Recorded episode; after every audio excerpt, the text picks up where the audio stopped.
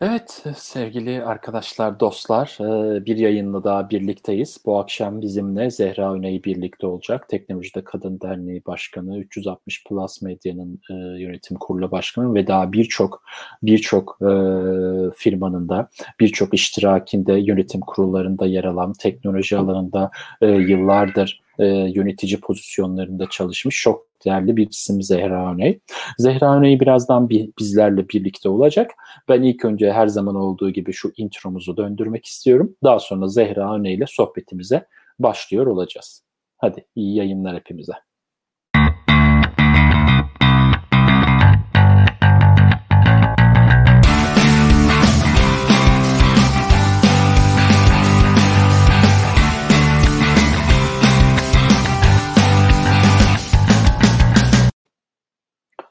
Evet, şimdi Zehra Hanım'la birlikte başlıyoruz. Hoş geldiniz. Hoş bulduk. Ee, Barış'cığım nasılsın? İyiyim sağ olun. Siz nasılsınız? İyiyim. Özledik seni. Epeydir konuşamamıştık. Çok e, iyi oldu yayın. Birlikte evet, evet, olmak gerçekten adına. öyle. Gerçekten öyle. Evet, evet. Ee, vallahi biz bayağıdır bir tanışıklığımız var aslında herhalde. Bir 4-5 sene vardır tanışıklığımız var evet var, var. Tabii tabii. Ee, çeşitli platformlarda bir araya geldik beraber etkinliklere katıldık konuşmalar yaptık. Onun haricinde başka ortamlarda da böyle birbirimizle sohbet etme fırsatı bulmuştuk. Birbirimizi gayet e, tanıyoruz aslında. İkimizin de aslında bir İngiltere macerası da var. Ondan da belki bahsedebiliriz. Ee, bu olaylardan bahsederiz. Bunları yayın akışımız içerisinde konuşuyor oluruz. Ben şimdi aslında birazcık bize kendinizi tanıtması, tanıtmanızı isteyeceğim. Yeni Dünya Sohbetleri diye bir programınız var. Belki biraz ondan da bahsedebiliriz bunun içerisinde. Hani benim tarafımda belki beni sizi tanımayanlar vardır benim izleyici kitlemde. Kendinizi biraz tanıtırsanız kendi cümlelerinizde çok sevinirim. E, teşekkür ederim Barış'cığım. Ben aslında e, 2002 yılından itibaren, ondan önce 10 yıl bir turizm sektöründe geçmişim var. E, 82'den beri çalışıyorum. Yani çok uzun bir iş hayatım var. 2002'den itibaren de 18 yıldır telekomünikasyonla başlayan, Türkcell'le başlayan bir süreçte arkasından bir mobil ajansın genel müdürlüğü Mobilera'nın. Sonra e, kendi ajansım 360 Plus Medya'yı kurup e, ajansımla beraber çıktığım e, girişimci yolculuğum. Sonra e, bu e, dönüştürücü teknolojilere çok meraklı olmam sebebiyle özellikle artırılmış gerçeklik, sanal gerçeklik, makine öğrenimi ve yapay zeka tarafında e, fazlasıyla araştırmacı ve projeler yaparken İngiltere'de bir artırılmış gerçeklik startup'ı Bilipar'la tanışmam ve Bilipar'ı deneyimindeki e, gerçekten çok e, e, kullanıcı deneyimindeki e, gelişmiş AR deneyimi sebebiyle Türkiye'ye getirmem ve sonra Biliper Türkiye'yi kurup bir şapkada öyle takıp Biliper Türkiye ile Türkiye'yi Bilipar'la ve AR'la tanıştırmam. E, ve dört sene boyunca hem ajansımı hem Bilipar Türkiye'nin e, CEO'luğu hem de Silikon Vadisi'nde Bilipar'ın kurduğu bir executive komitenin içerisinde e, artılmış gerçeklik ve yapay zekanın gittiği noktada çok sıkı bir takımın çalışmalarının içinde olup e, onları izlemeyi e, sağlamış bir aslında teknoloji girişimcisi bir insanım. E, bu arada da e, özellikle artırılmış gerçeklik tarafında Türkiye'de o Bilipar Türkiye'yi kurduğumuz dönemde Türk yazılımcı arkadaşlarımla kurduğum e, güzel bir takımla onların buradan yaptıkları yazılımı yurt dışına ihraç edip Bilipar'ın global takımlarını parçası olmak ve onlara çok önemli destekler, çok önemli faydalar sağlamalarına da destek olmuş bir kişiyim. E, dolayısıyla teknolojiyle çok iç içeyim. Öyle söyleyeyim. Harika, harika. Vallahi hani Tabii bu, bu, bu şapkaların dışında iki şey eklemek istiyorum. Çok önemli. E, ben bütün bu girişim ve mutfakta yaptığım çalışmalarda koştururken ihmal etmeyi hiç istemediğim şey genç arkadaşlarımızla deneyim paylaşmak, onların eğitimine katkıda bulunmak. Önce Yeditepe Üniversitesi'nde 3 yıl çalışıp orada mobil pazarlama ve sosyal ağlarda kariyer yönetimi dersleri verdim. Arkasından da Bahçeşehir Üniversitesi'nde geçtiğimiz 5 yıl e, halen devam ediyor. Graduate School of Business yani e, master programı, MBA programlarının e, yönetildiği, transforme edildiği bir e, yönetim kurulunun içerisinde yer alıyorum.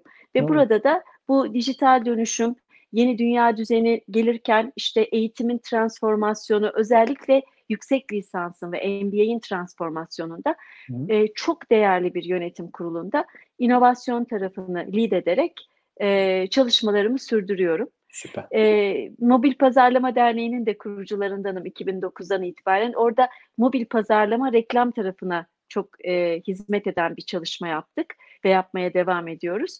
Diğer taraftan da sen de biliyorsun geçen sene teknoloji sektöründe kadın sayısının azlığı ve motivasyon evet. düşüklüğü sebebiyle de Teknolojide Kadın Derneği'ni kurdum. Ee, ve orada da çok önemli şirketler, çok önemli kurucu üyelerle beraber el ele kol kola e, teknolojide insan çeşitliliğini sağlamak için uğraşıyoruz. Aa, süper, süper, harikasınız. Biraz uzun anlattım ama. Yo yo yo harika. Ee, aslında benim geleceği bir sonraki sorum da aslında birazcık da bununla alakalı olacaktı. Yani sizin e, kimliklerinize bakıyorum. Futurist var, mobil dönüşüm uzmanı var, yatırımcı var, uygulamacı var, konuşmacı var, teknoloji markalaşma ve pazarlama uzmanı var. Hani var da var iletişim stratejilerini de ekleyebilirim e, yaptığınız hani biraz önce anlattığınız noktaları da ekleyebilirim.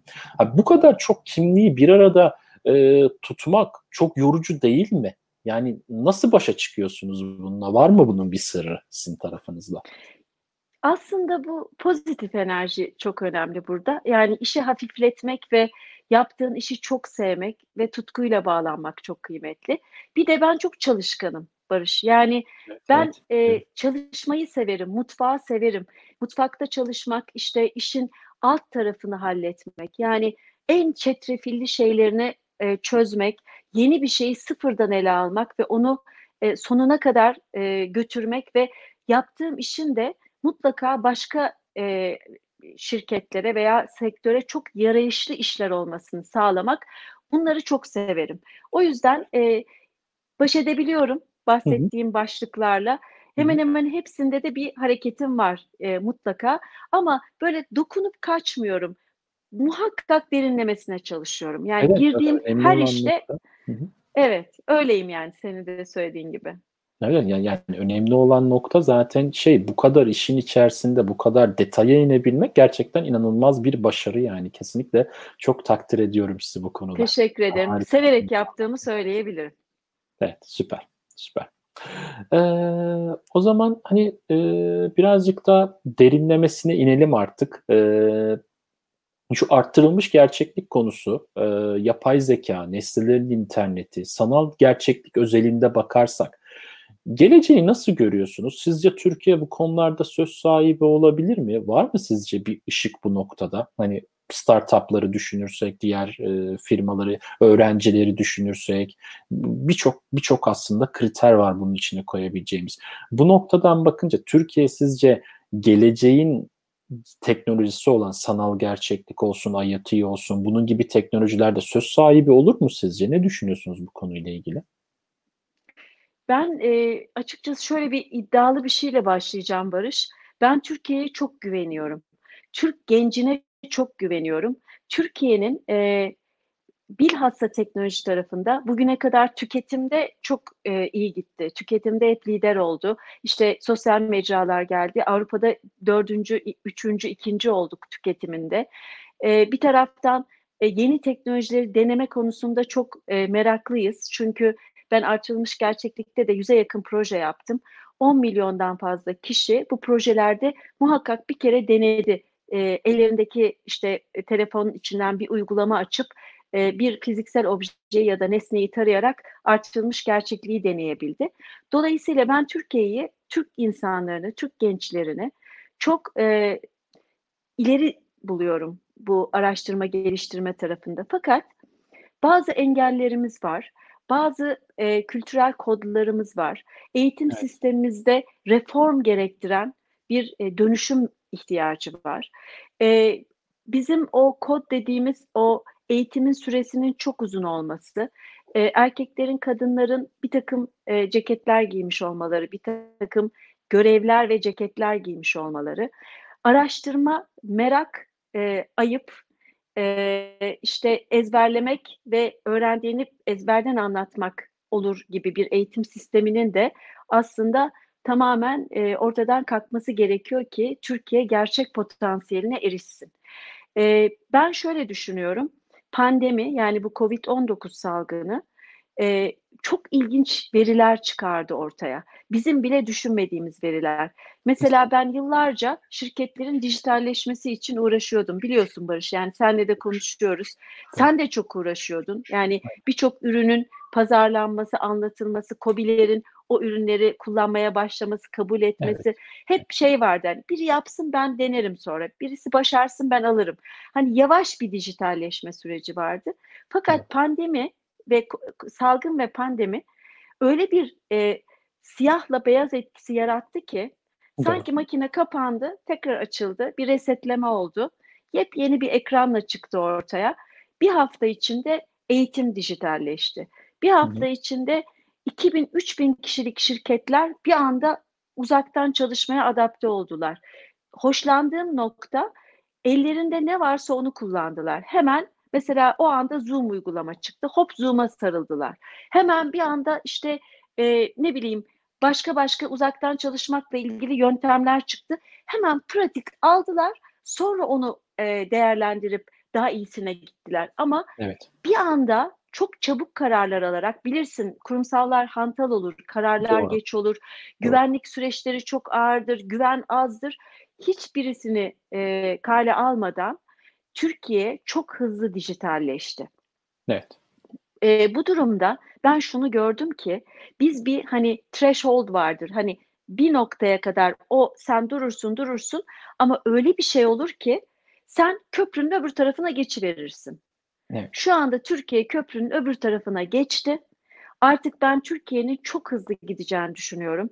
Özellikle evet. teknolojide, özellikle yazılımda, özellikle bu STEM alanından mezun olmuş mühendis arkadaşlarımızın gelişiminde, oradaki eğitimin transformasyonunda, kurumların teknolojik e, asetlere verdiği değerde ve iç yapılanmalarında yeni bir döneme girdik bence. Türkiye'yi çok şanslı buluyorum.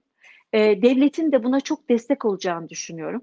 E, evet. Sen İngiltere'desin, biz Türkiye'deyiz. Hı hı. İyi kötü şu salgında Türkiye'nin sağlık açısından vermiş olduğu sınavın da ne kadar başarılı olduğunu bütün dünya izledi diye düşünüyorum. Evet, ben canlı ee, tanığıyım. Değil mi? Sağlık yani. alanında da bir sınavdan geçtik. Şimdi Hı-hı. artık bundan sonra e, yüksek bir akış olacak ve Türkiye'de gençler özellikle uzmanlaşma tarafında çok hızlı e, kendilerini geliştirebilecek doğru bir noktaya doğru e, gidecekler. İşte e, bakanlıklar açıklıyor. 1 milyon yazılımcı yetiştirmek için önemli bir seferberlik başlatıldı. Ee, biz dernek tarafında şu anda çok hızlı eğitimdeyiz. Ee, bilhassa yazılımcı geliştirme konusunda çalışıyoruz. Hı hı. Dolayısıyla bence Türkiye şanslı. Eğer bu şansını iyi kullanırsa e, sadece İstanbul, Ankara, İzmir değil bütün Anadolu yani Türkiye'nin her tarafı bu farkındalığı ortaya koyup bu dijitalleşme sürecindeki pandemi hızını kesmezse, rehavete düşmezse Türkiye hı bu işi e, e, götürür diyorum ben. Hem de çok evet. iyi bir noktada götürür. Doğru. Ya önemli olan burada aslında rehavete düşüp düşmemekle alakalı bir konu. Yani e, rehavete düşer miyiz, düşmez miyiz, bir sıkıntı olur mu? Hani bunların hepsini beraber yaşayarak e, görüyor olacağız aslında baktığınızda. E, yani burada evet pandemi sürecinde biraz hızlı hareket edebildi Türkiye gerçekten bunu yapabildi. Bunda sorun olmadı ama benim her zaman da bir tane e, öngörüm var. Şunu söyledim geçtiğimiz yaptığımız yayınlarda ve her zaman dile getiriyorum. Eğer firmanız Zoom'la Microsoft Teams'le ya da bunun benzeri Webex olabilir. Bu tarz uygulamalarla pandemi sürecinde tanıştıysa aslında şirket yöneticilerinin, CTO'larının ya da bilişimle alakalı kişilerin şapkalarını bir önüne koymaları lazım. Neden? Çünkü bu süreçte siz daha bu uygulamalarla tanıştıysanız bu zamana kadar aslında ne yaptınız sorusunun cevabını ben e, almak istiyorum o kişilerden.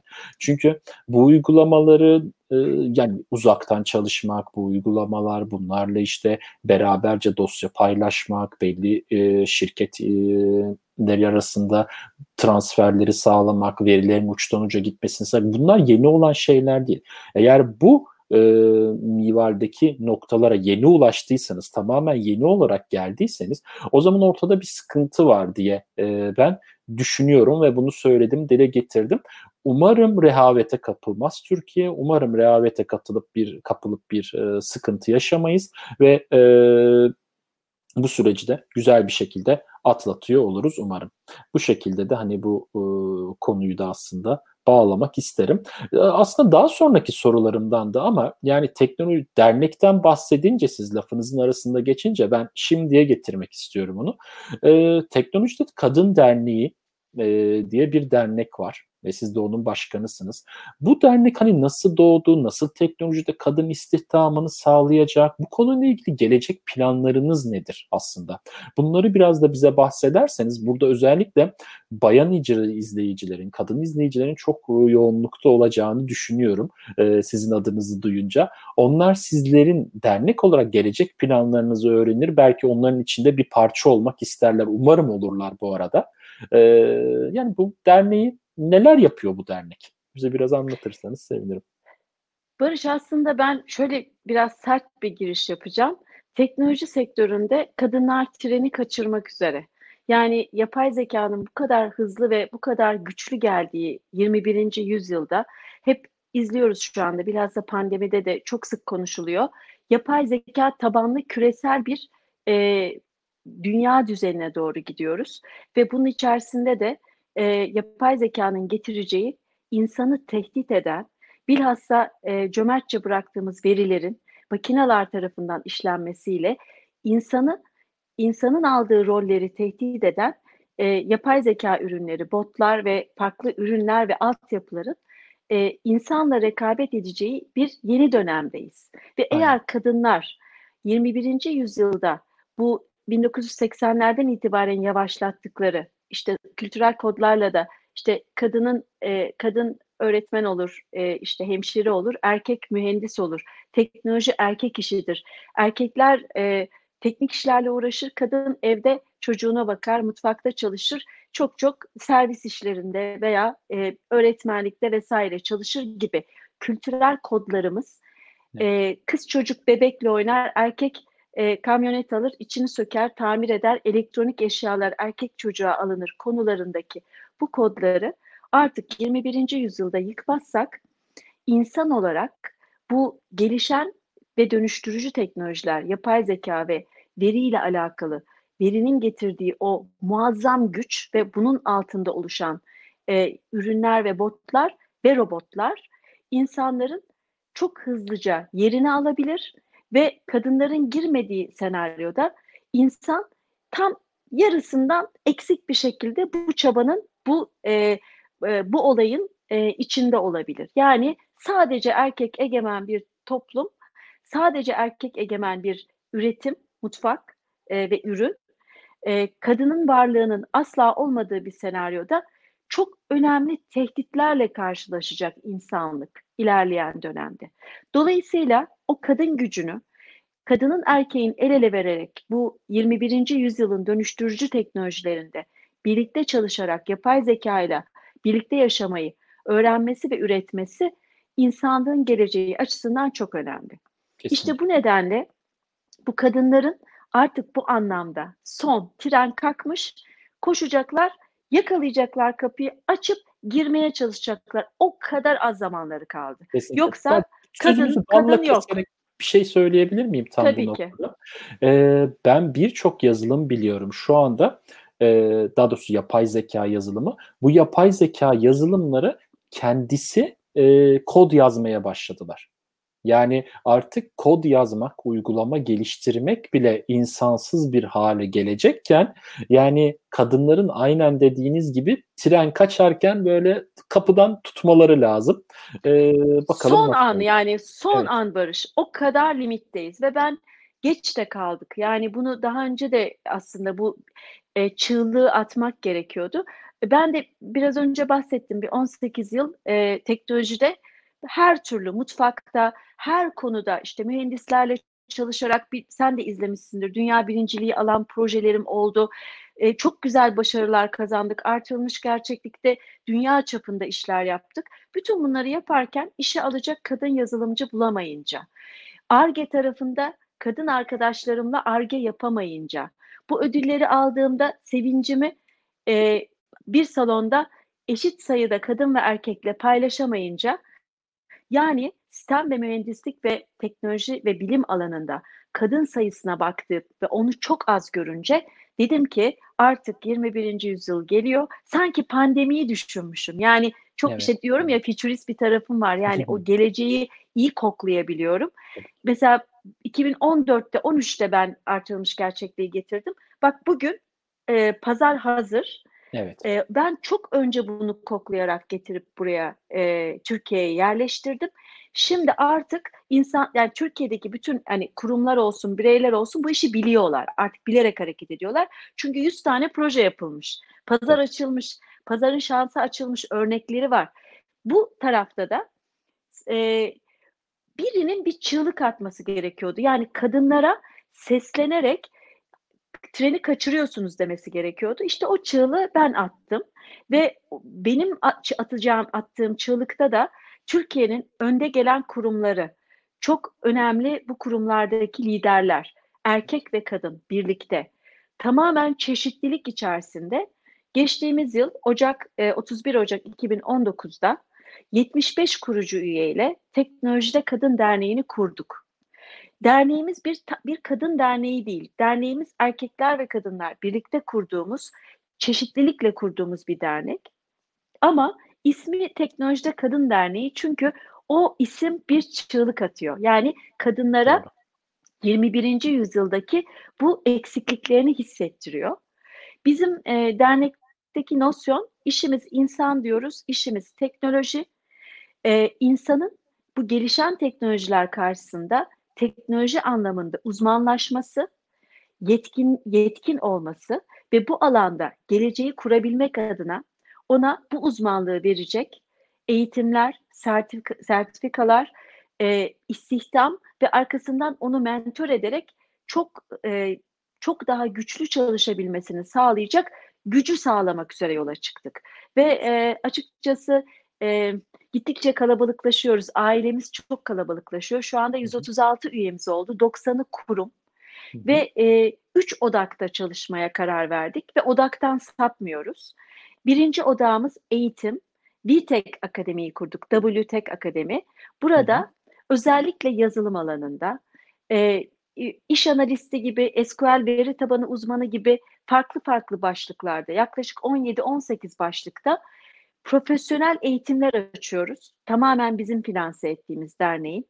Sınavla aday çağrısı yapıyoruz. Üniversitenin dördüncü sınıfı yeni mezun olmuş veya mezun olmuş iş arayan arkadaşlarımızı davet ediyoruz.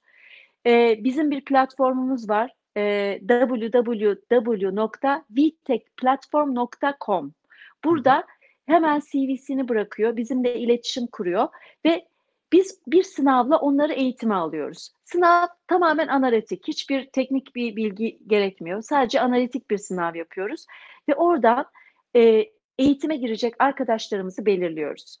E, eğitime aldığımız arkadaşlarımızı 3 ay, 4 ay süresince çok sıkı, sadece teknik değil soft skill'lerle de dolu muazzam bir programda eğitiyoruz. O çok da uzun bir süre aslında. Evet, 3-4 ay. Bizim bak sana daha önce de söyledim hani Hı-hı. miş gibi yapan bir yapımız yok. Yani mutlaka Doğru.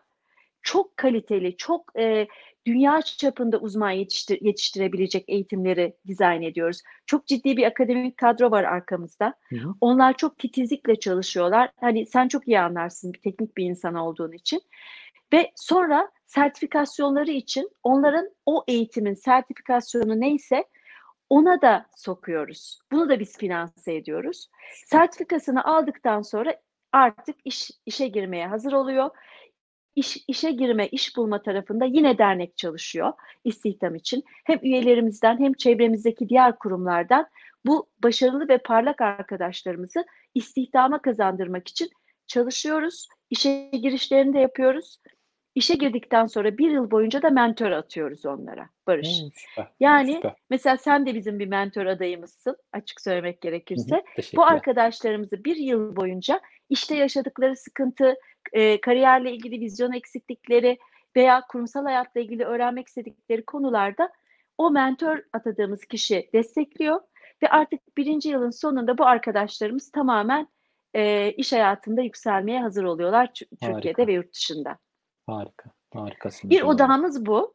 E, diğer odağımız da araştırma ve ölçümleme. İnşallah bu önümüzdeki dönemde e, çok e, önemli bir Türkiye'nin ilk teknoloji ve insan endeksiyle ilgili bir araştırma çalışmasına başlayacağız. E, bütün alt hazırlıklarımız tamamlandı. Şimdi sponsorluklarımızı e, almaya başladık. E, bunu tamamladığımızda kendi verilerimize ulaşacağız Türkiye'de. Hem kültürel, sosyokültürel verilerimiz, teknolojide ne, ne durumdayız? Yani evet. tüketmede iyiyiz de üretimde ne durumdayız? Teknoloji bilgimiz ne kadar? Hanelere gireceğiz. Özellikle kadın erkek ayırmadan herkese o teknolojiyle ilgili Türkiye'nin doğru endeksini çıkartıp orada da yeteneklerin e, doğru bir şekilde ortaya çıkmasını sağlayacak çok önemli bir endeks çalışması yapmayı Süper. düşünüyoruz. Bu da Türkiye'ye hediyemiz olacak çünkü Türkiye'nin datası olacak. Kesinlikle. Bununla ilgili de e, çalışmalarımız devam ediyor. Valla harikasınız hani diyecek bir kelime de bulamıyorum. Yani özellikle şey çok ilginç geldi. Yani başka firmalarda ya da başka yerlerde sizin verdiğiniz eğitimler bir hafta, iki hafta, hadi bilemediniz maksimum bir ay şeklindeyken sizin bir kişinin eğitimi için dört ay çaba harcamanız, çaba harcıyor olmanız, bu yani inanılmaz bir şey. Artı bir sene ondan sonra bir sene boyunca da bu kişiyi takip ediyor olmanız, ona yardımcı, destek oluyor olmanız bunlar kesinlikle hani paha biçilemez konular. Ee, yani Teknolojide Kadın Derneği'ni herkesin takip etmesi gerekiyor bence ve hepimiz de elimizden geldiğince destek de olmalıyız diye hani e, bunu belirtmek istiyorum. Çok teşekkür Peki, ederim. Hı, Sağ ol Barış'cığım. Bu arada sırf kadınlara değil özellikle altını çizmek istiyorum. Hı. E, kadınlara yani genç kızlarımıza, erkeklere hatta geçtiğimiz e, dönemde çok bunu söylemek istiyorum. E, bir SQL sınıfı açtık 20 kişilik. Hı hı. 16 e, genç kızımız var e, eğitim aldı. 4 tane de erkek arkadaşımız var. E, ve bir tane de lise mezunu olan e, üniversiteyi bitirmemiş bir adayımız vardı. Hepsi eşit düzeyde ve muazzam yetişerek mezun oldular şimdi. Süper. Sertifikasyonları sen de biliyorsun Microsoft'un SQL ile ilgili iki tane sınavı hı hı. var. Çok zor. Voucherlarını aldılar. Microsoft'un desteğiyle sınavlarına girdiler. Sınavlardan mezun oldular. Yani wow. bir videolarını, testimonial'larını görmeni çok isterim. Harika. Bambaşka harika. insanlar olarak çıktılar ve e, gerçekten şu anda birçoğunda işe soktuk. İstihdam tarafını da tamamladık. Bir kısmı pandemiye takıldı. Şimdi onlar için uğraşıyoruz. Yani günün sonunda e, kaliteli insan yetiştirdiğiniz zaman o insan da geri dönüşte mutlaka doğru yeri buluyor ve ülke açısından da insan çok önemli. O faktör çok önemli. Onun için biz tamamen odakta kalıp böyle çalışmalarımızı sürdürmek istiyoruz aslında Fatih Bey'in e, yazdığı bir şey vardı. Onu da biraz cevap gibi oldu. Hani e, birazcık da zerzeniş gibiydi sanıyorum. Her şeyde kadınlar üzerinden her örnek vermek yanlış diye. Evet tabii ki bu dernek sadece kadınlara değil erkeklere de yardım Kesinlikle. Yardım eden İnsana çalışıyoruz. İnsana Kesinlikle. çalışıyoruz. Sadece evet. kadını birazcık daha ön plana çıkartmış durumda burada sadece. Yani bütün bireyleri açık. İsteyen herkes başvurabilir. Kesinlikle. Peki, peki. Yani Türkiye'de teknoloji alanında yıllarca yönetici olarak çalıştınız, çok güzel projeler gerçekleştirdiğiniz, aslında bir bakıma yaptığınız hani dijital dönüşüm olduğunu söyleyebilirim ben. Hani Türkiye'de dijital dönüşüm sizce hani nasıl ilerliyor? Yani artılarımız, eksilerimiz konusunda gördüğünüz bir takım noktalar, uyarılarınız e, var mı? E, ben aslında bu soruyu şöyle cevaplamak istiyorum size devretmeden önce. Hep ben yaptığım röportajlarda, eğitimlerde de birçok noktada diyorum ki Türkiye'nin en büyük sorunu markalaşmak diyorum. Marka üretmek diyorum. Katılıyor musunuz buna? Ne, ne düşünüyorsunuz bu konuyla alakalı? Çok katılıyorum. Sen e, çok da güzel bir başlangıç yaptın. Evet, bizim en büyük eksikliğimiz e, bir özgüven eksikliği var Türkiye'de.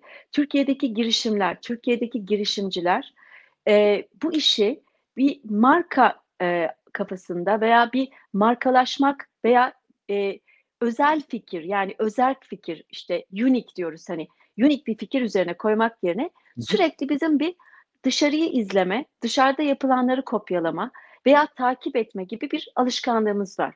Bu e, yetiştirme tarzı, işte biraz önce bahsettiğim kodlarımız, e, biraz yapısal olarak hani başkası yapsın ben sonra arkadan geleyim e, tavrı. Bir de ta çocukluğumuza inelim Barış. Sen de düşün bak ben de düşünüyorum.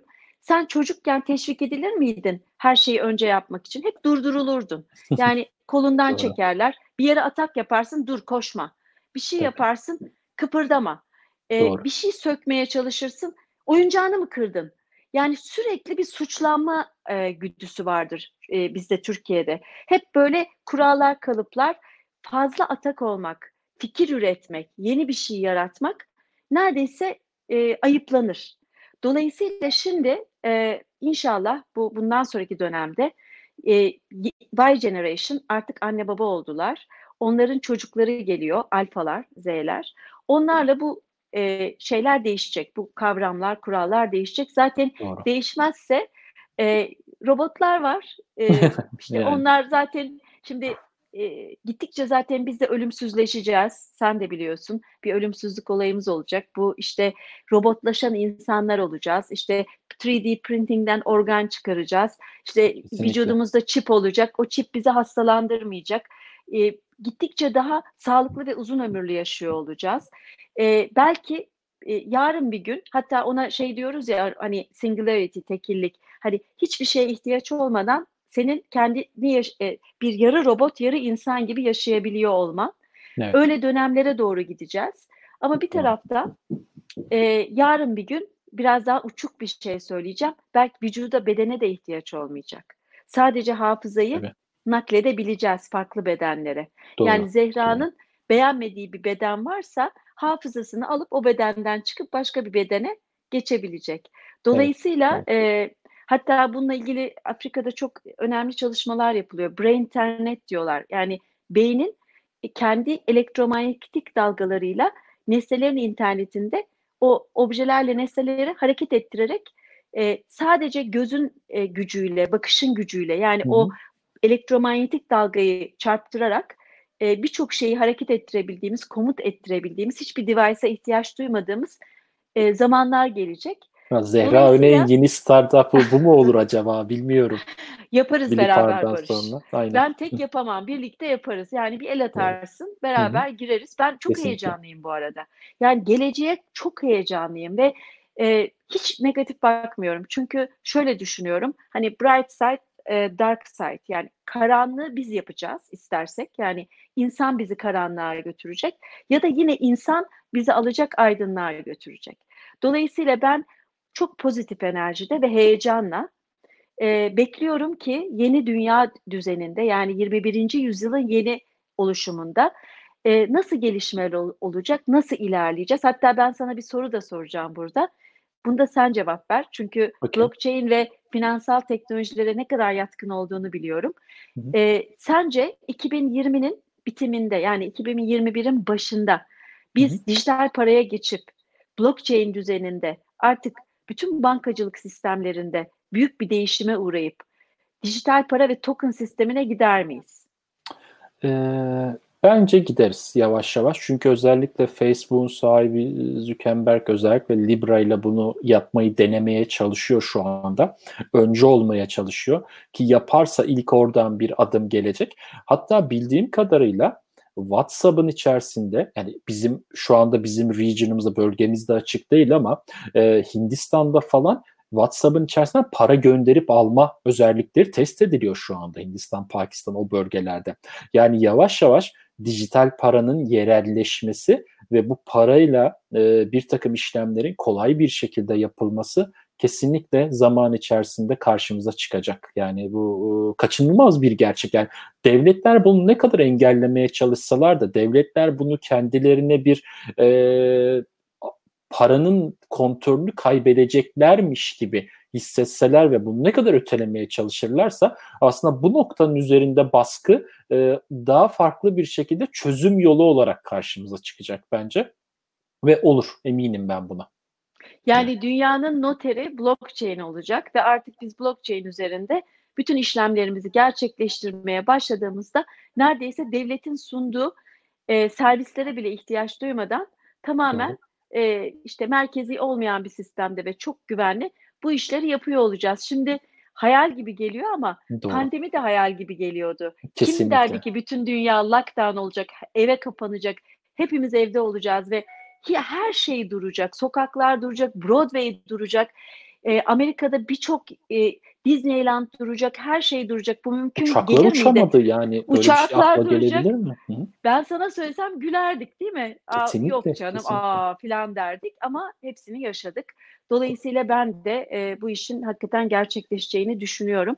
Peki Barış ben terse dönüyorum. Ben sana Hı-hı. soru soracağım. Okey süper. Senin e, harika bir startup'ın var şu anda. Hı E, ben aldım onun feedbacklerini ve Hı-hı. açıklamalarını ama biraz bahsetsene. E, çok Olur. hoş bir şey yaptınız ya Hı-hı. yeni startup'ta. Evet, evet. Aslında iki tane startup'ımız var. Biri Flexi, biri e, Wishlist Alert. Ee, Flex'i tamamen bir omni-channel platform ve WhatsApp gibi ondan sonra web chat gibi SMS gibi birçok teknoloji içerisinde barındıran bir platform. Bu platform işte yeni geliştirme aşamasında şu anda hala da devam ediyoruz. Hatta ben bu platformla zaten Level 39 adını verdiğimiz İngiltere'de startupların merkezi olarak kabul edilen e, birçok Revolt gibi ondan sonra eToro gibi birçok ünlü startup'ın e, yatırımcı bulduğu ilk kodlarının yazıldığı e, ilk yatırımcılarıyla beraber emekleme adımlarını atlattıkları yer olan Level 39'a kabul edildim ve orada aslında startup'ımızı geliştirmeye devam ederken e, Ali arkadaşımla beraber Ali Rıza Arslan ki buradan hani herkes Buradan merhaba istiyorum. diyorum. Ali Rıza'yı evet. çok severim. evet, çok özledim. Evet. Ee, bana da ilk bilgiler Ali Rıza'dan geldi. Zaten. Öyle mi? Öyle mi? Oh, evet. Süper. Süper. Ee, Ali Rıza ile beraber yeni bir startup kurulumu yaptık. Flex'in altyapısını kullanarak Wishlist Alert dediğimiz e, bir mimari geliştirdik. Şu işe yarıyor aslında. Amazon olur, eBay olur, yani Türkçe konuş, Türkiye'den örnek verirsek hepsi burada gibi şirketlerden, web sitelerinden bir ürün beğendiniz. Bu ürünün e, linkini alıyorsunuz, bizim WhatsApp hattımıza bildiriyorsunuz. Diyorsunuz ki işte ben bu ürün e, takip etmek istiyorum. Biz sizin yerinize o üründeki fiyat değişikliklerini takip takip ediyoruz.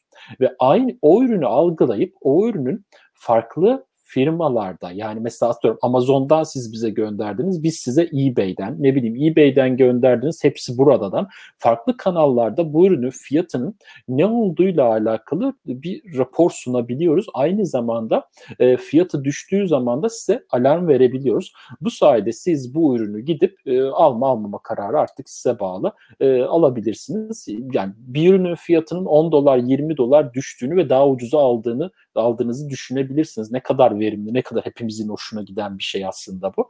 E, böyle bir startup'ımız var. Bu startup'ta biz Cogex dediğimiz bir e, Avrupa'da, daha doğrusu İngiltere'de e, AI alanındaki e, bir konferansın takip edilmesi gereken 100 startup listesinin içerisine girdik. Ve bir Müthiş. sene boyunca bir sene boyunca biz bu listenin içerisindeyiz. Şimdi artık e, birazcık fikrimizi daha da derinleştirip e, yatırımcı avına çıkacağız işin açıkçası. Bakalım umarım belki zaman içerisinde yatırımcılarla yaptığımız konu sohbetleri, muhabbetleri yani nasıl gittiğini bu startup'ın onları da belki ilerleyen dönemlerde konuşuyor oluruz farklı platformlarda. Süper, çok Hı-hı. çok başarılı. Gerçekten fikir de güzel. Ben Hı-hı. şimdi o zaman sen bana bir soru sormuştun hani Türkiye nerede diye. E sen evet. de İngiltere'de yaşasan da bir Türk insanısın, bir Tabii Türk ki. beynisin. Ya ben Türkiye zaten 2-3 ayda işte. bir mutlaka Türkiye'deyim. Mutlaka Türkiye yani burada işte bir. yani bak sen yapmışsın. Türkiye burada. Bir evet. tane startup'ınız vardı. Hop onun üzerine bir tane daha çıkartmışsınız ve hepsi anlamlı startup'lar. E, çok geç yakın bir zamanda biliyorsun e, Zynga e, Peak Games'i aldı. E, evet. Muazzam bir yatırım yaptı. 1.8 milyar dolar ne demek? Kesinlikle. Yani oyun sektöründe muazzam bir şey. Bu da bir Türk işi. Yani Kesinlikle. Türkiye'den çıkan bir unicorn. E, bakıldığında evet sektör oyun şanslı bir sektör. Buna yatırım yapan, geleceği gören firmalar kazanıyorlar.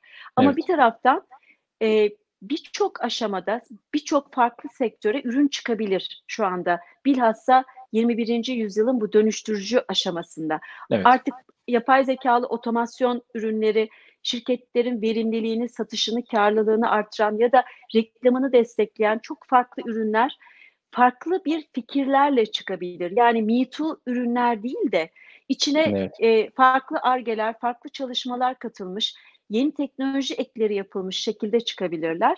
E, açıkçası ben bugün de e, Microsoft'un önemli bir yarışması var. E, Türkiye'nin kadın e, teknoloji liderleri yarışması. E, jüri üyesiydim. Oh, İki gün valla. İnanılmaz güzel projeler gördüm. İnanılmaz muazzam e, girişimciler gördüm. Çok umut duydum, çok gurur duydum. Yani e, hiç düşünülmemiş e, Me Too olmayan işler yapılıyor. Dolayısıyla Türkiye'nin şansı var Barış. Kesinlikle. Sadece Kesinlikle. E, biraz önce de bahsettim. E, yeniliğe dönüşüme açık olacağız. Girişimciler Kesinlikle. daha profesyonel yapacaklar bu işi. Kesinlikle. Yatırımcılar hobi için yatırım yapmayacaklar. Bu Startup Angel gibi kurumlardaki işte e, işinden emekli olmuş bir CEO beyefendi 50 bin dolarım var ben bir yere yatırayım diye düşünmeyecek. Bu iş profesyonel bir hale gelip agent sistemiyle çalışacak. Bugün unutmayalım ki dünyayı kasıp kavuran Facebook aldığı 500 bin dolarlık Cansu'yu yatırımıyla büyütüldü. Dolayısıyla bir agent mantığı gelecek Türkiye'ye. Her şey daha kurallı ve daha güçlü e, takip edilip yapılacak. O zaman Türkiye'nin önüne kimse çıkamaz. E, izliyorsundur İngiltere'den diye düşünüyorum. Savunma sanayimiz çok gelişti. Evet, evet. İnsansız kesinlikle. araçları, İHA'lar, muazzam bir çalışma var orada. Takdirle ve e, hayranlıkla izliyorum. Yani e, başında da olan e, devlet insanları e, çok emek veriyorlar bu işe. Yani bir fiilde görüyorum. E, o tarafta ışık hızıyla gidiyoruz bence. Yani Kesinlikle. yılların öcünü alıyoruz. Yani yapamadığımız dönemlerin öcünü alıyoruz. Aynen. Bundan çok memnunum. Dolayısıyla Türkiye iyi gidecek. Ben e, pozitif konuşmak istiyorum. Kesinlikle harika harika. Yani pozitif konuşmak e, her zaman iyidir zaten hiç sıkıntı yok bu konuda. Peki ben size değişik bir soru sorayım madem öyle. Hani bu kadar teknolojiden konuşuyoruz. Teknolojide çok yoğunsunuz. Ondan sonra teknoloji her gün bir yerdesiniz. İşte biraz önce bahsettiğiniz Microsoft'taydınız falan. Değişik değişik kollarda, kanallarda değişik e, teknolojiyle ilgili çözümler üretmeye çalışıyorsunuz. içinde olmaya çalışıyorsunuz. Peki bu teknolojinin içinde olmasaydınız yani bu sektörün içinde olmasaydınız ne yapardınız? Hiç düşündünüz mü bunu? Yani düşünmekten öte aslında başlamıştım. Ben insan Hı. çok seviyorum Barış. İnsanlarla iletişimi seviyorum. İnsanlarla hareket etmeyi, onları e, onların ihtiyaçlarını e, hisset yani ihtiyaçlarını veya e, yapmak istedikleri konularda onlara yardımcı olmayı seviyorum. Turizm sektöründeydim teknolojiden önce çok severek yaptım işimi. Yani 10 sene o sektörde kaldım. Acentaların işte üst düzey yöneticilik görevlerinde veya yönetim kurulu e, görev yönetim kuruluna destek verme görevlerinde bulundum. Turizm benim çok sevdiğim bir iş. Ben eğer bu işi yapmasaydım yine insana değebileceğim bir iş yapardım. Ee, bir kafe açardım, restoran açardım, otel işletirdim. Ee, veya bir eğitim kurumu açardım. Yine insanla orada beraber olurdum. Ama yapacağım şey mutlaka insan. E, satışa çok kabiliyetim var, insana çok kabiliyetim var. Bu iki alandan birinde yükselirdim diye düşünüyorum. Ya zaten onu çok iyi biliyorum. Ben her ihtiyacım olduğunda beni kırmadan hep arkamda oluşunuz, o desteğiniz zaten. Evet, o onu çok her iyi zaman. biliyorum Seni de çok yani. seviyorum. O ayrı çok bir şey ama her çok zaman. Çok teşekkürler. Ben insan seviyorum. Yani evet, insana kesinlikle. fayda seviyorum. Evet evet harikasınız valla. Ee, peki o zaman değişik bir soruyla da daha aslında birazcık bu soruyu bugünlerde çok kişiden duyuyoruz ve çok da fazla konuda çok fazla yerde bu soru geçiyor. İşte yeni normal, yeni normal diyoruz hep. Covid-19 öncesi ve sonrası. Hani aslında ben bu soruyu biraz daha farklı sormak istiyorum. Yeni normal diye bir şey var mı sizce? Yani önceki normal miydi ki? Hani yenisi normal olsun. Ee, bunun haricinde hani Covid-19 öncesi ve sonrası değişecekler listenizin başında ne vardır sizce? Bunları bize paylaşırsanız sevinirim. Ee, Barış ben bu yeni normal lafını çok sevmiyorum. Yani yeni dünya düzeni evet çünkü bir düzenimiz değişti. Yani Hı-hı. orada bir e, farklı ritüellere girdiğimiz, farklı davranışları benimsememiz gereken, farklı e, yaşam koşulları olan yeni bir tarafa gidiyoruz. Dolayısıyla ben orada yeni yeni normaller yerine e, yeni bir çağa girdik. 21. yüzyıl. Bir yüzyılı devirdik. Bu 21. yüzyıl yaklaşık 20 senedir bize bağırıyor. Teknolojik olarak güçlenin. Teknoloji devrimindeyiz. Teknoloji çağındayız. Teknolojilerde üretici olun tüketimden çok diye. Biliyorsun bayağı bir sinyal alıyoruz. Ee, önce bir kronolojiye baktığında 2005'te iPhone, Apple hayatımızı değiştirdi. Arkasından 2009'da 3G geldi. 3G'yi takiben hemen sosyal mecralar hayatımıza girdi. Biz bütün bu süreçlerde mobil olmaya, mobil ortamlarda ihtiyacımızı görmeye, deli gibi veri bırakmaya, hani işçi gibiyiz böyle sabah kalkıyoruz, her yere veri bırakıyoruz. Bu veri bırakmanın arkasındaki sinyal ne? Bir tarafta bir makine öğrenimi var. O veriler belli sunuculara, serverlara konuyor. Artık veriler toplanıyor. Bizim asil elimizle koyduğumuz veriler var. Yani kendi rızamızla. Sosyal evet. kanallarda işçi gibiyiz. Gözümüzü açıyoruz, Instagram'la başlıyoruz. Her tarafa veri atıyoruz. Ne yedik, evet. ne içtik, nerede gezdik, ne yaptık, hangi toplantıya girdik. Bunlar tamamen kayıtlı bir şekilde yürüyor. O verilerde belli sunucularda filan e, ciddi anlamda e, e, saklanarak e, işleniyor, analiz ediliyor ve işte yapay zekaya destek verecek bütün altyapıdaki ihtiyaç olan o veri evet. bulut servislerinde gelişmesiyle beraber muazzam bir güç oluşturuyor ve makineler ışık hızıyla öğrenerek o teknoloji çağının gerektirdiği o yeni düzeni bize getiriyor. Yani. Biz bunu aslında kendimiz yapıyoruz. Farkında tabii ki, değiliz. Tabii ki, tabii yani ki. yeni normal diye bir şey yok. Biz zaten bu anda yaşadığımız şeyi kendimiz hazırladık ve hazırlamaya da devam ediyoruz. Farkında Hı. olmadığımız konu e, biz belli bir hızda, belli alışkanlıklarla ve belli e, belli e, frekanslarda yaşıyoruz. Yani be, yaşantımıza alışığız. Yani o alıştığımız şeylerde bir tembellik yaşıyoruz. Belli davranışlarımız var, belli beklentilerimiz var. E, 3-4 tane farklı jenerasyonun bir arada olduğu çok ilginç bir dönemdeyiz. Evet. E, baby boomerlar var, e, Y jener X jenerasyon var, Y jenerasyon var Z jenerasyon var. Yani evet. alfa grup var. Ve hepimiz aynı anda ve sağlıklıyız. Hepimiz evet, evet. aynı anda bir şey yapmaya çalışıyoruz. Doğru. Hiç kimse birbirini anlamıyor. Hiç kimsenin birbiriyle olan e, iletişimi ve beklentileri aynı değil. Kesinlikle. Dolayısıyla büyük de bir kaosun içerisindeyiz. Bence e, dünyanın en kaotik olduğu dönemlerden birindeyiz. İnsanın kafası çok karışık. O nedenle ben diyorum ki zaten biz dönüştük. Yani dönüşüyor değiliz. Biz zaten 2005'ten itibaren muazzam sinyallerle dönüştük. Hatta evet. hatırlarsan Facebook e, iki tane robot üzerine bir arge yaptı. Alice ile Bob. Bunları hı hı. çok emek vererek muazzam geliştirdi, öğretti, öğretti. İşte derin makine öğrenimi, robotlar öğrendi filan.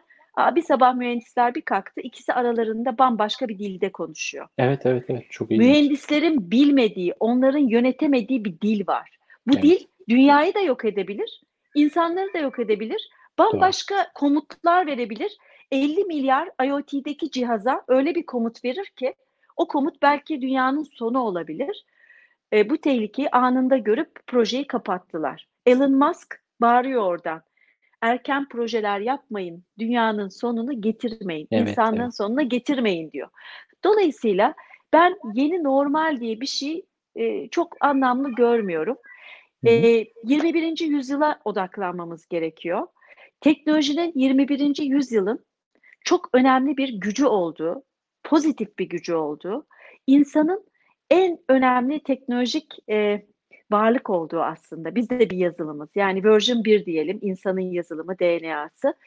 Ee, insanın kendi gücünü fark edebileceği, kendi yapabilirliğini, beyninde keşfedemediği noktaları keşfederek o akıl gücünü çok ön plana çıkarması gerekliliğinin olduğu yeni bir döneme, yeni bir çağa giriyoruz diye adlandırıyorum. Hı hı. Ve bu yeni çağın getirdiği farklı davranışlar, farklı ritüeller, farklı biçimler hayatımıza girdi ve girmeye doğru, devam edecek. Doğru, doğru. Nedir bunlar? Uzaktan çalışma benimsendi, bitti. MIT'nin yaptığı bir e, çalışma var Amerika'da. Diyor ki MIT'deki çalışma bir insan en zor değişen şey olan davranışında 4 ay boyunca aynı ritüeli uygularsa o ritüelde yaptığı şey onun davranışı oluyor diyor. Kesinlikle. E bizde 3 ay bitti, 4. aya girdik. E, Birçok alışkanlığımızı değiştirdik. Bunları da sürekli yapıyoruz. Doğru. Artık biz geriye dönüp eski davranışlar, eski alışkanlıklara dönmek konusunda çok istekli olmayacağız. Kesinlikle. Çünkü yeni davranışlarımız, yeni ritüellerimiz oluştu. Ufkumuz açıldı. Hayatta olmaz dediğimiz şeylerin hepsi oldu. Ve biz bunları olduğunu gördükten sonra benimsedik. Kesinlikle. Ve artık bence daha hibrit yapılarda yaşayacağız. Yani ne çok uçta, tamamen işte mobil, uzakta, mesafeli ne de çok iç içe, ofiste, e, fiziksel ortamda olacağız. Daha hibrit e, e, hibrit olmayı benimseyeceğiz her aşamada.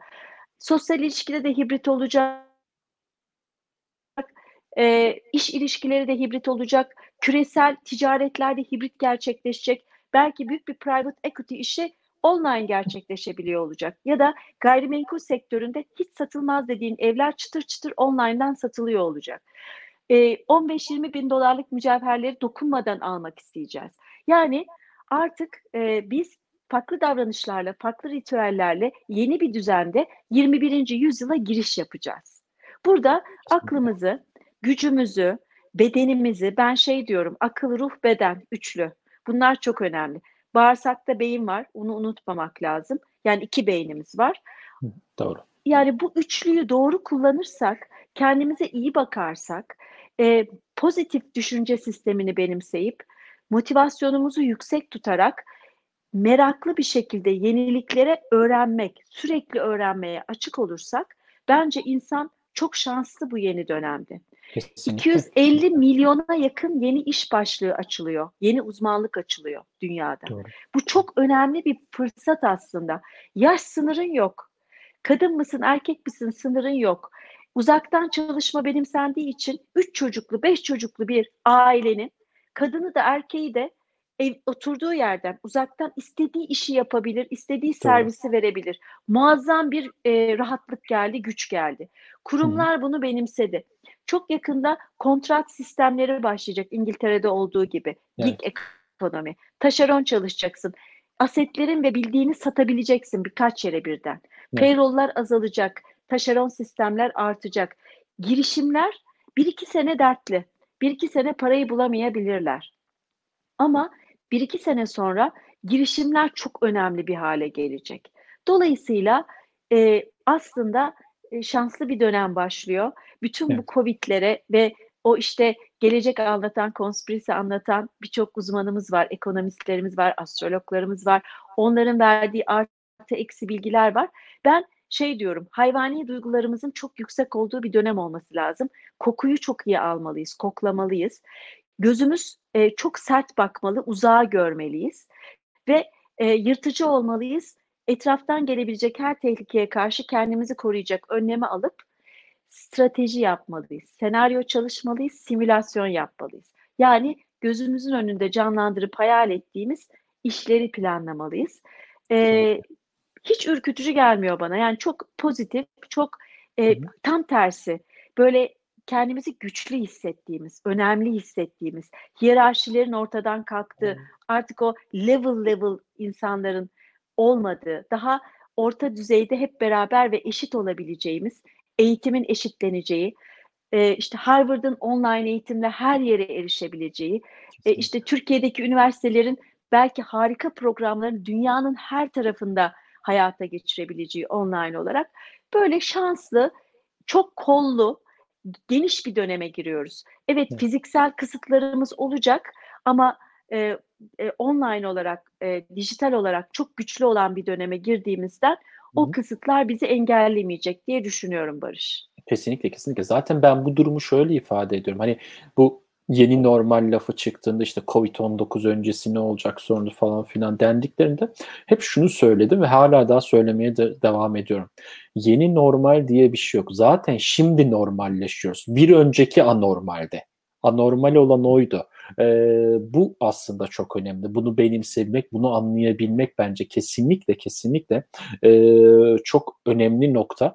E, yani bir öncekinin anormal olduğu nereden belliydi? İnsanlar işe gitmek zorundaydı. Sürekli e, trafik içerisinde boğuşuyorlardı. Farklı farklı sorunlar vardı. İş yerinde olmanın getirdiği farklı sorunlar vardı. E, zamanında istediğiniz bir şey yapamıyordunuz, yetişemiyordunuz.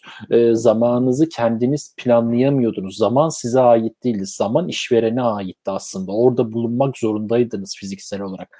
Ama şimdi baktığınızda zamanınızı kendiniz aslında yönetebileceğiniz, kendi zaman dilimleriniz içerisinde çalışabildiğiniz, işi ürettiğiniz sürece kimseyle çakışmadan problemsiz bir şekilde e, yolunuza devam edebileceğiz. Mesela yazılımcıların çoğu gece çalışmayı çok sever. Yani gece saat 11-12'de otururlar bilgisayarın başına sabaha kadar 5'lere 6'lara kadar e, çalışırlar. E şimdi siz bu insanı alıp e, bir iş yerine sabah 9'da bu iş yerinde olacaksın dediğinizde zaten bu anormaldi aslında. İşte şimdi aslında normalleşeceğiz. Herkes kendi zaman diliminde çalışabileceği, işini teslim ettiği, zamanında teslim edebildiği sürece problemsiz bir şekilde işini yapabileceği bir dönemi daha yeni kapısı açılıyor bence. O kapı aralarında Çok bu güzel söyledin. Hı-hı. Süper söyledin. Tamamen evet. katılıyorum. Ee, o kapı aralandı. Şimdi bakalım ondan içeriye böyle koştur koştur girip artık bir şeyler yapma zamanı gerçekten. Ee, bu konuyu da evet böyle bağlayalım bu sorumuza da böyle bir cevabımız olsun.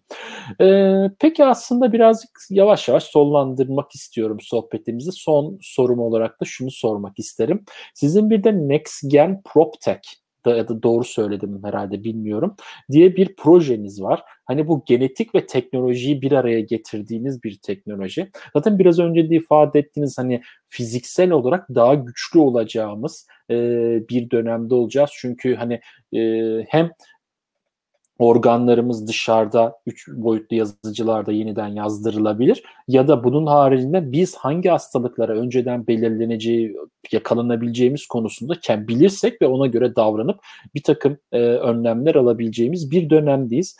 Bu projeniz hakkında birazcık bahseder misiniz bize? Nedir bu? Ne işe yarar? E, ne, ne yapmak lazım bununla e, bir şekilde iletişim halinde olabilmek için sizin de bu konuyla ilgili biraz bilgi verirseniz sevinirim.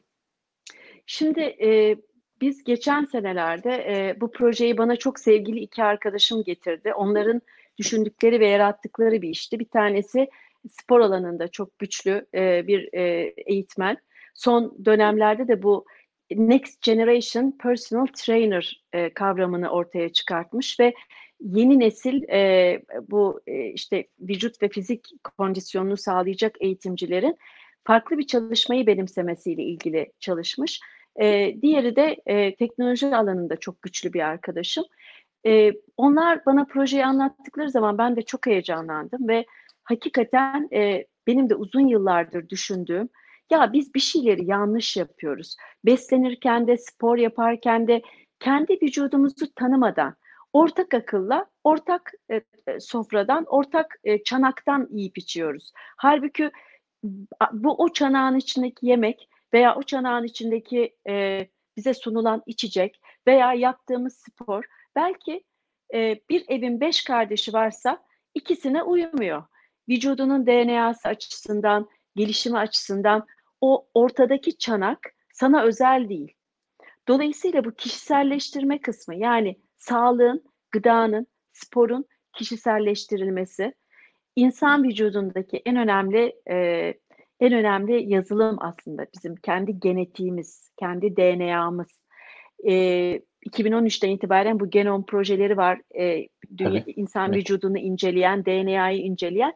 İşte bütün bunlara baktığımızda bazen şey görürsünüz. Çocuğunuzu tenise verirsiniz, başarılı olmaz. Çok sinirlenirsiniz. Bu çocuk humble, yapmadı, çalışmadı. Halbuki evet. öyle bir şey yok. Onun genetik duruşu, DNA'sı, kemik yapısı, vücudu o spora elverişli değil. Veya e, bir çocuğu e, maraton koşturursunuz, e, atletizme verirsiniz. Çocuk acayip maraton koşar. Ona dersiniz ki bak gifted, yetenekli. Hayır, DNA'sı müsait. Veya e, bir çocuk 100 metre dahi koşamaz. E, bunu da yine suçlarız biz. hay Allah yapamadı başarısız addederiz. Halbuki evet. DNA müsait değil. Zorladığınızda da e, mutlaka ilerleyen dönemde eğer DNA'sı müsait değilse o çocuğun bu işleri yapmaya hı hı. bir sakatlık gelir başına e, işte kemiklerinde bir problem yaşar e, sporu zorla yapsa bile arkasından çok önemli sıkıntılar yaşar. Dolayısıyla aslında biz hem beslenmede hem spor seçerken hem de fiziksel kondisyonda DNA'daki özelliklerimizi bilmeden ve bununla ilgili hiçbir yönlendirme almadan ezbere hareket eder durumdayız. Bunu yıllardır yapıyoruz. İşte spor salonları açılıyor. Gidiyorsunuz. Hoca ile karşılaşıyorsunuz. Hoca diyor ki gel kasını yağını ölçeceğim diyor. Ee, en kötüsü bir de kan tahlili yapıyor. Tamam diyor ve seni e, hemen işte şeye alıyor, kardiyoya alıyor, fitness'a alıyor. Halbuki e, bir basit bir gen testiyle böyle 4500 bölgeye bakabildiğin basit bir gen testiyle sen hangi sporu yapacağını, bunu yaparken nasıl besleneceğini, hangi gıdaların sana iyi, hangi gıdaların sana geliştirici olmadığını, hangi supplementların vücudun için gerekli olduğunu, bütün bunları basit bir testle hem de tükürükle yapılan çok basit, Türkiye'de yapılan ve birkaç bin liraya halledebileceğin bir testle öğreniyorsun. Arkasından bununla ilgili genetik beslenme uzmanı sana beslenme koşullarını yazıyor. Spor uzmanı sana diyor ki bu çıktılara göre sen basket oynayamazsın, voleybol oynayamazsın ama çok iyi koşarsın. Ya da harika bir yüzücü olabilirsin. Senin bunlarda geleceğin var diyor. Ve böylece sen baştan doğruları seçerek, baştan çocuğunu en doğru spora yollayarak, baştan en doğru gıdayı alarak vücudunu ve vücudunun kondisyonunu korur ve sağlıklı bir insan olarak yaşarsın. Birçok hastalık zaten yanlış seçtiğimiz şeylerle geliyor. Kesinlikle. Ve bir karmaşa var orada. Diyetisyenler oradan bir şey söylüyor, öbürü kilo alınca hemen koşuyoruz. Vücudumuza olup olmayacağını bilmediğimiz diyetler yapıyoruz. Belki o diyette zayıflıyoruz ama bugün COVID'in en çabuk hakladığı o immün sistem dediğimiz bağışıklık sistemimizi belki de anormal zarar veriyoruz. Müthiş. Kesinlikle. E, Kesinlikle. Diyetlerin bunlar, en problemi bu. Evet. Bütün bunlar için aslında NextGen çözümler sunan bir projeydi. Biz bu projeye başladık. Fakat Türkiye'de maalesef e, bu tarz projeleri benimsetmek, özellikle DNA konularında ilerlemek pek kolay olmuyor. E, belli bir dönem ilerledikten sonra biraz holda aldık projeyi. Yani durdurduk. Pandemi sonrasında belki de tekrar canlandırıp e, bu projeyi ilerleteceğiz. Çünkü şu anda herkesin bu konuda bir e, farkındalığı açıldı. Hassasiyet. Ve e, hassasiyeti başladı. E, evlerdeyiz, daha iyi besleniyoruz. Eminim siz de öylesinizdir. E, daha çok spor yapmaya çalışıyoruz evde olmamıza rağmen vücudumuza bakmaya çalışıyoruz. Bu da bize birçok şeyi öğretti. İnternete oturduk, başladık araştırmaya. Eskiden vakit ayırmazdık, şimdi ayırıyoruz. Dolayısıyla her şey aslında önceden yapılırsa iyi oluyor. Yani hastalanmadan kendimize iyi bakarsak, DNA'mızı tanırsak, o DNA'ya göre beslenirsek muazzam sonuçlar alıyoruz. Geçtiğimiz Doğru. günlerde Ekotürk'teki programımda Embiosis diye bir firmayı davet ettim. Onlar da mikrobiyom üzerine çalışıyorlar. Bağırsaklarımızda bulunan mikrobiyomlar. E, milyarlarca mikrobiyom var ve bunlar aslında bizim bağırsakta ikinci beyin olduğu için Kesinlikle. vücudumuzdaki sağlığımızla alakalı birçok konuda bize aslında etken oluyorlar. Kesinlikle. Dolayısıyla sen mikrobiyomlarının durumunu bilmeden beslenmeni veya günlük yaşantını ayar e, yönetemiyorsun. İşte bununla ilgili onlar da muazzam bir kit çalışmışlar. E, evinize gönderiyorlar kiti. O mikrobiyomlarınızı ölçtürüyorlar. O sizin sonra bütün sağlığınızı en doğru şekilde yönetmenizi sağlıyor. Birçok büyük hastalığı da engelliyor. Dolayısıyla bu tip konular aslında e, gelecekte bizim daha çok karşımıza çıkacak, daha önceliğimiz olacak diye düşünüyorum Barış. Evet yani ya birçok kişi aslında şeyden bile şeyin bile farkında değil. Bağırsağımızın vücudumuzun ikinci beyni olduğundan birçok hastalıkla alakalı noktada öncesinden alarm verdiğinden ve bununla alakalı hani e, ilgili bir şekilde bilgili bir şekilde oraya yaklaşılırsa birçok sorunun çözülebileceğinden evet birçok kişi haberdar değil çok ilginç bir şekilde ee, ama bir ikinci beynimiz daha var vücudumuzda kesinlikle bağırsak konusu böyle.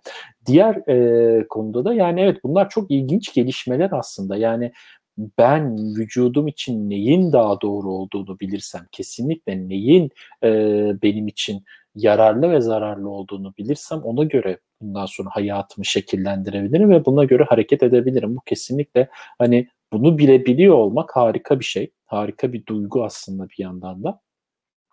Umarım bu çalışmanın devamı gelir. Bu çalışmayı tekrar görüyor oluruz. Yani devamının geleceğini umut ediyorum. Çok sadece. teşekkür ederim Barış'cığım. Sağ ol. Evet. Bunun haricinde aslında bakıyorum notlarım içerisinde şu anda. Yani sizin şu anda Yeni Dünya Sohbetleri dediğimiz Ekotürk'teydi galiba o program değil mi? Yanlış bilmiyorum ben. Ee, Ekotürk'te Teknoloji ve Gelecek diye bir programım var. Doğru. Doğru. Ee, her perşembe e, saat bir buçukta şimdi yaz dönemi için. Daha Hı-hı. önce e, saat 11 çeyrekteydi. E, canlı yayında bir konuk ağırlıyorum. E, teknoloji konuşuyoruz. Ben e, üreten birisi olduğum için bir evet. sunucu mantığında değilim. Aynen seninle olduğu gibi işi Hı-hı. bilen iki kişi olarak e, teknolojideki yenilikleri, gelişmeleri konuşuyoruz. Mesela yarın e, Adjust firması var. Bu mobil e, app'lerin içindeki reklam alanlarının verimliliğini e, sağlayan bir ürünleri olan bir firma. Hı hı. Çok önemli bir firma, dünya çapında bir firma. Onun e, Türkiye'deki yöneticisiyle bir program yapacağım. İnşallah evet. güzel bir program olacak. Meraklısı varsa. İzleyin. E, yarın saat bir buçukta canlı yayında olacağız. Evet. Bir de Instagram yayınınız var galiba. Bir belli aralıklarla yaptığınız yanlış bilmiyorsam. Instagram'da e, bu canlı yayın meselesi çok tuttu. Ben de çok beğendim. Hı hı. Çünkü e, eğer anlamlı bir şey konuşuyorsanız yani sohbetinizde bir değer varsa kesinlikle yapılması lazım. Ben e, konuklarımı işte senin seç seçimlerin gibi tamamen teknoloji odaklı, gelecek odaklı e, kişilerden seçiyorum ve rol modellerden seçiyorum. Mesela yarın akşam 22'de ilginç bir konuğum var Nermin Gül.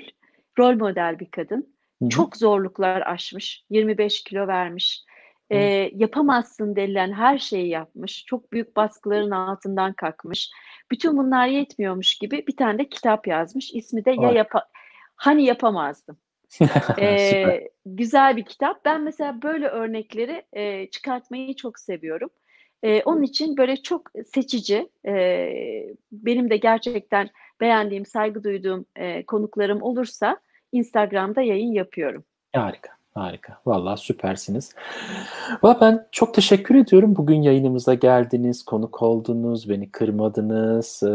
Böyle ben güzel sohbet ederim. ettik. Harika konulardan konuştuk. Hatta güzel bazı yorumlar da aldık. Ben bakıyorum şu anda yorumlara çok güzel yorumlar da var.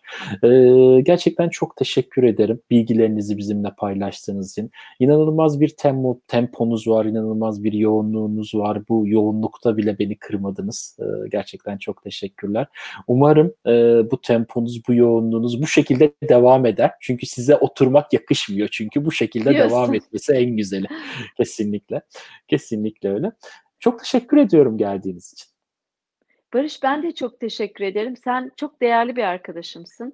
Ben seni çok uzun zamandır tanırım ve e, senin de çok e, faydalı, başarılı işler e, yaptığını ve hiç vazgeçmeden, hani hiç pes etmeden çok e, iyi bir girişimci olduğunu ama aynı zamanda da çok dolu bir girişimci olduğunu biliyorum. Hani eğitim tarafın da muazzam. E, yayından önce de konuşmuştuk. Çok az senin evet. eğitiminde e, arkadaşımız vardır. Ben e, gururla izliyorum. E, çok mutlu bir sohbet oldu. Ben de çok teşekkür ederim. Dinleyen herkese de çok teşekkür ediyorum. İnşallah daha iyi şeyleri konuştuğumuz, çok mutlu, çok sağlıklı, motive, bol enerjili bir gelecek, bir 21. yüzyılın içinde birlikte oluruz. Evet, çok teşekkürler gerçekten. Harikasınız. Yayına katıldığınız için de çok teşekkür ediyorum tekrardan. Evet sevgili dostlar bir yayının daha sonuna geldik. Ee, çok teşekkür ediyorum katıldığınız, dinlediğiniz için güzel yorumlarınızla e, bu yayını e, bağlandığımız için. E, bir sonraki yayınımız gelecek hafta olacak. E, gelecek haftaya kadar hoşçakalın, esenlikle kalın. Görüşmek üzere.